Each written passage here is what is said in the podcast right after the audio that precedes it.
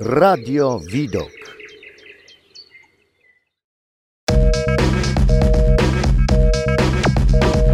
Edukator społeczny. Żywiecka Fundacja Rozwoju prezentuje Zachowek. Dzień dobry, w ramach edukacji prawnej chciałbym Państwu przedstawić dzisiaj kwestię związaną z prawem spadkowym, a dotyczącą głównie zachowku. Co to tak naprawdę jest zachowek i czemu on służy? Otóż Instytucja zachowku służy ochronie interesów osób najbliższych spadkodawcy przed skutkami dokonanych przez niego rozrządzeń w ramach przysługującej mu swobody testowania oraz poczynionych przez niego zażycia darowizn. Jeżeli zatem uprawniony nie otrzymał należytego mu zachowku bądź w postaci uczynionej na jego rzecz przez spadkodawcę darowizny, bądź na skutek powołania do dziedziczenia, bądź w wyniku zapisu, to treścią jego żądań, treścią jego wierzytelności wynikającej z zachowku staje się zawsze roszczenie pieniężne. Również z takim roszczeniem może wystąpić w razie wystąpienia różnicy pomiędzy wartością należnego mu zachowku, a wartością przypadającej mu korzyści z tytułu darowizny, powołania do dziedziczenia lub zapisu. Uprawniony może dochodzić roszczenia pieniężnego wyrównującego mu te różnice.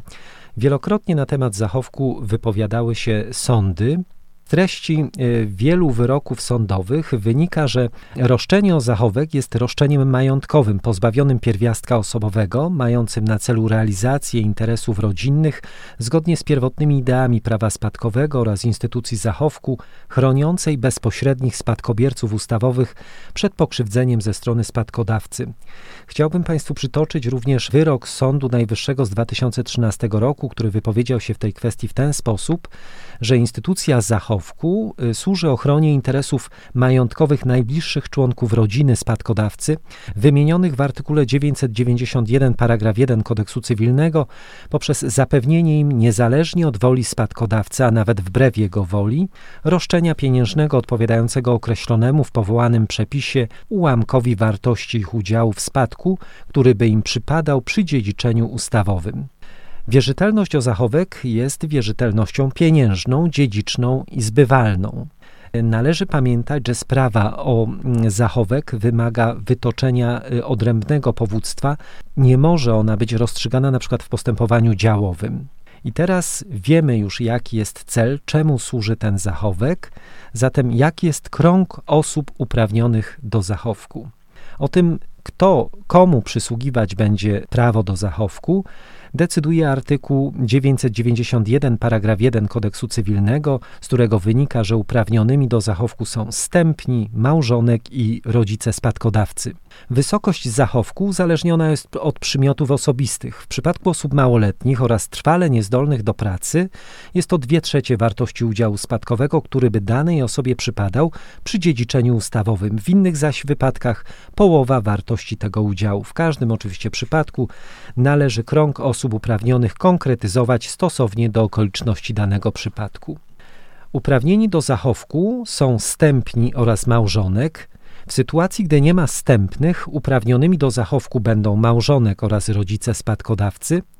Jeżeli nie ma małżonka, uprawnionymi są wyłącznie rodzice, przy czym rodzice spadkodawcy mają prawo do zachowku wtedy, gdy spadkodawca nie miał wstępnych, gdy zmarli oni przed otwarciem spadku lub gdy traktowani są tak, jakby nie dożyli chwili otwarcia spadku, na przykład zrzekli się dziedziczenia, zostali uznani za niegodnych lub odrzucili spadek. Do tej listy należy dopisać przysposobionego i jego stępnych, których traktuje się na równi ze stępnymi spadkodawcy oraz przysposabiającego, który wchodzi w miejsce rodziców przysposobionego lub obok rodzica, jeżeli jest nim małżonek przysposabiającego.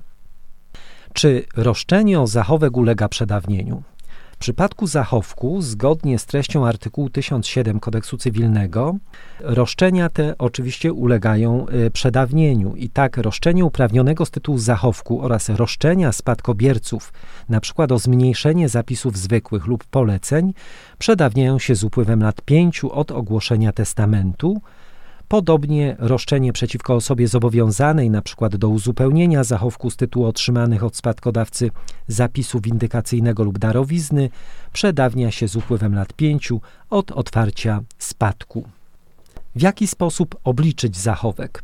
Otóż przy obliczeniu zachowku nie uwzględnia się zapisów zwykłych i poleceń, natomiast dolicza się do spadku, stosownie do przepisów prawa spadkowego, darowizny oraz zapisy windykacyjne dokonane przez spadkodawcę. Przy obliczeniu zachowku nie dolicza się do spadku drobnych darowizn, zwyczajowo w danych sytuacjach i stosunkach przyjętych, ani dokonanych przed więcej niż dziesięcioma laty, licząc wstecz od otwarcia spadku jak również darowizn na rzecz osób nie będących spadkobiercami albo uprawnionymi do zachowku.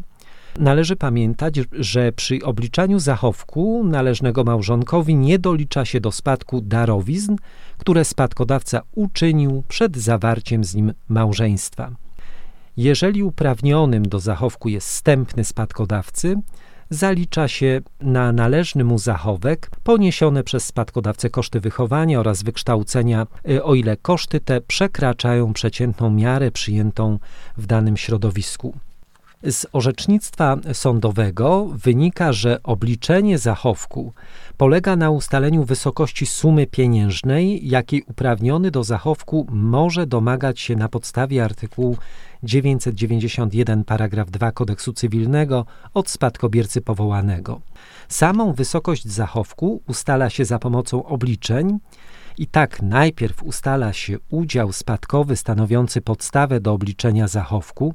Udział ten jest wyrażony odpowiednim ułamkiem, Następnie ustala się substrat zachowku, który po przemnożeniu przez ułamek, który wyraża udział stanowiący podstawę do obliczenia zachowku, daje nam poszukiwaną wielkość, czyli wysokość zachowku. Aby ustalić substrat zachowku, należy przede wszystkim określić tak zwaną czystą wartość spadku, a czysta wartość spadku stanowi różnicę między wartością stanu czynnego spadku a wartością stanu biernego. Zarówno w doktrynie, jak i w orzecznictwie przyjmuje się, iż podstawą ustalenia substratu spadku jest stan czysty spadku, to jest stan czynny spadku pomniejszony o pasywa spadku. Tyle w zakresie e, obliczania e, wartości spadkowej z orzecznictwa. Czy można żądać obniżenia lub pozbawienia y, kogoś prawa do zachowku? Otóż, jeżeli w wyniku realizacji prawa do zachowku uprawniony ma uzyskać określone przysporzenie z majątku po zmarłym spadkodawcy, nie bez znaczenia pozostaje ocena właściwych relacji pomiędzy spadkodawcą a uprawnionym do zachowku. Nie jest bowiem wyłączone obniżenie albo pozbawienie prawa do zachowku na podstawie artykułu 5 kodeksu cywilnego z powodu sprzecznego z zasadami współżycia społecznego zachowania uprawnionego do zachowku w stosunku do spadkodawcy, przy czym te, tego typu sytuacje występują niezwykle rzadko. Należy pamiętać, że zachowek nie jest częścią majątku spadkowego, a jedynie określoną kwotowo sumą pieniędzy wypłacaną przez spadkobierców lub zapisobierców. Osoby te e, z reguły e, należą do tak zwanej zerowej grupy podatkowej, mogą zatem zostać zwolnione od podatku od spadków darowizn. Powinny pamiętać jednak, że w określonym terminie od daty przyjęcia zachowku powinny złożyć stosowny formularz we właściwym urzędzie skarbowym. Komu nie przysługuje prawo do zachowku? Dochodzenie roszczenia o zachowek nie przysługuje osobom, które spadek odrzuciły, zostały uznane za niegodne dziedziczenia, zawarły ze spadkodawcą umowę o zrzeczenie się dziedziczenia, czy też zostały wydziedziczone przez spadkodawcę. I tak zajmę się może dwoma kwestiami, otóż wydziedziczenia i uznania za niegodnego.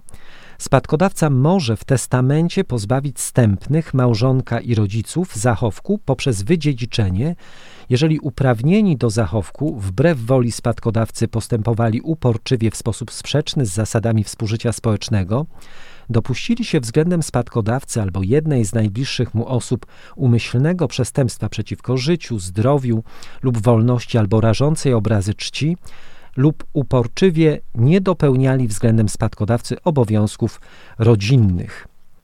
Przyczyną wydziedziczenia będzie uporczywe postępowanie wbrew woli spadkodawcy w sposób sprzeczny z zasadami współżycia społecznego. Sąd orzekający o skuteczności wydziedziczenia będzie zatem zobowiązany ocenić, czy tryb życia wydziedziczonego jest sprzeczny z zasadami współżycia społecznego, czy był to stan trwały, a także czy taki tryb życia był, czy też nie był akceptowany przez spadkodawcę. Należy pamiętać, że ważność i skuteczność wydziedziczenia zależy od dokonania go w ważnym testamencie, czyli jeżeli testament będzie nieważny, no to również nieważne będzie wydziedziczenie. Wydziedziczenia można dokonać tylko w oparciu o okoliczności, o których powiedziałem wcześniej, o których wcześniej wspomniałem.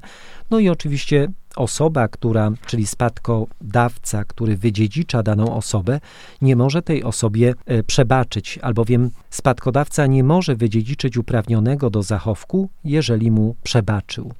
Inną okolicznością, która pozbawia uprawnionego do zachowku y, prawa do wystąpienia z takim roszczeniem, jest uznanie go za niegodnego. Kiedy taka osoba może być uznana za niegodnego? Otóż wtedy, gdy dopuściła się umyślnie ciężkiego przestępstwa przeciwko spadkodawcy, podstępem lub groźbą nakłoniła spadkodawcę do sporządzenia lub odwołania testamentu, albo w taki sam sposób przeszkodziła mu w dokonywaniu jednej z tych czynności, oraz jeżeli umyślnie ukryła lub zniszczyła testament spadkodawcy, podrobiła lub przerobiła jego testament, albo świadomie skorzystała z testamentu przez inną osobę podrobionego lub przerobionego. Do kręgu osób nieuprawnionych do zachowku należeć będzie również małżonek wyłączony od dziedziczenia na mocy artykułu 940 kodeksu cywilnego. Zgodnie z tym przepisem małżonek jest wyłączony od dziedziczenia, jeżeli spadkodawca wystąpił o orzeczenie rozwodu lub separacji z jego winy, a żądanie to było uzasadnione. Wyłączenie małżonka od dziedziczenia następuje na mocy orzeczenia sądu, a wyłączenia może żądać każdy z pozostałych spadkobierców ustawowych powołanych do dziedziczenia w zbiegu z małżonkiem.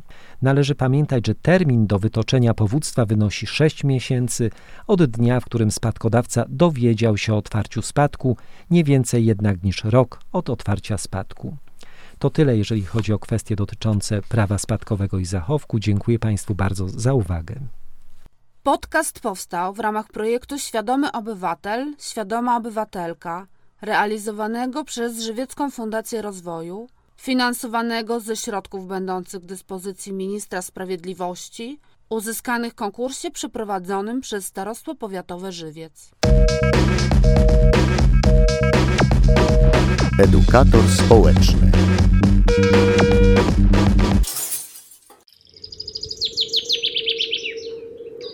Radio Widok.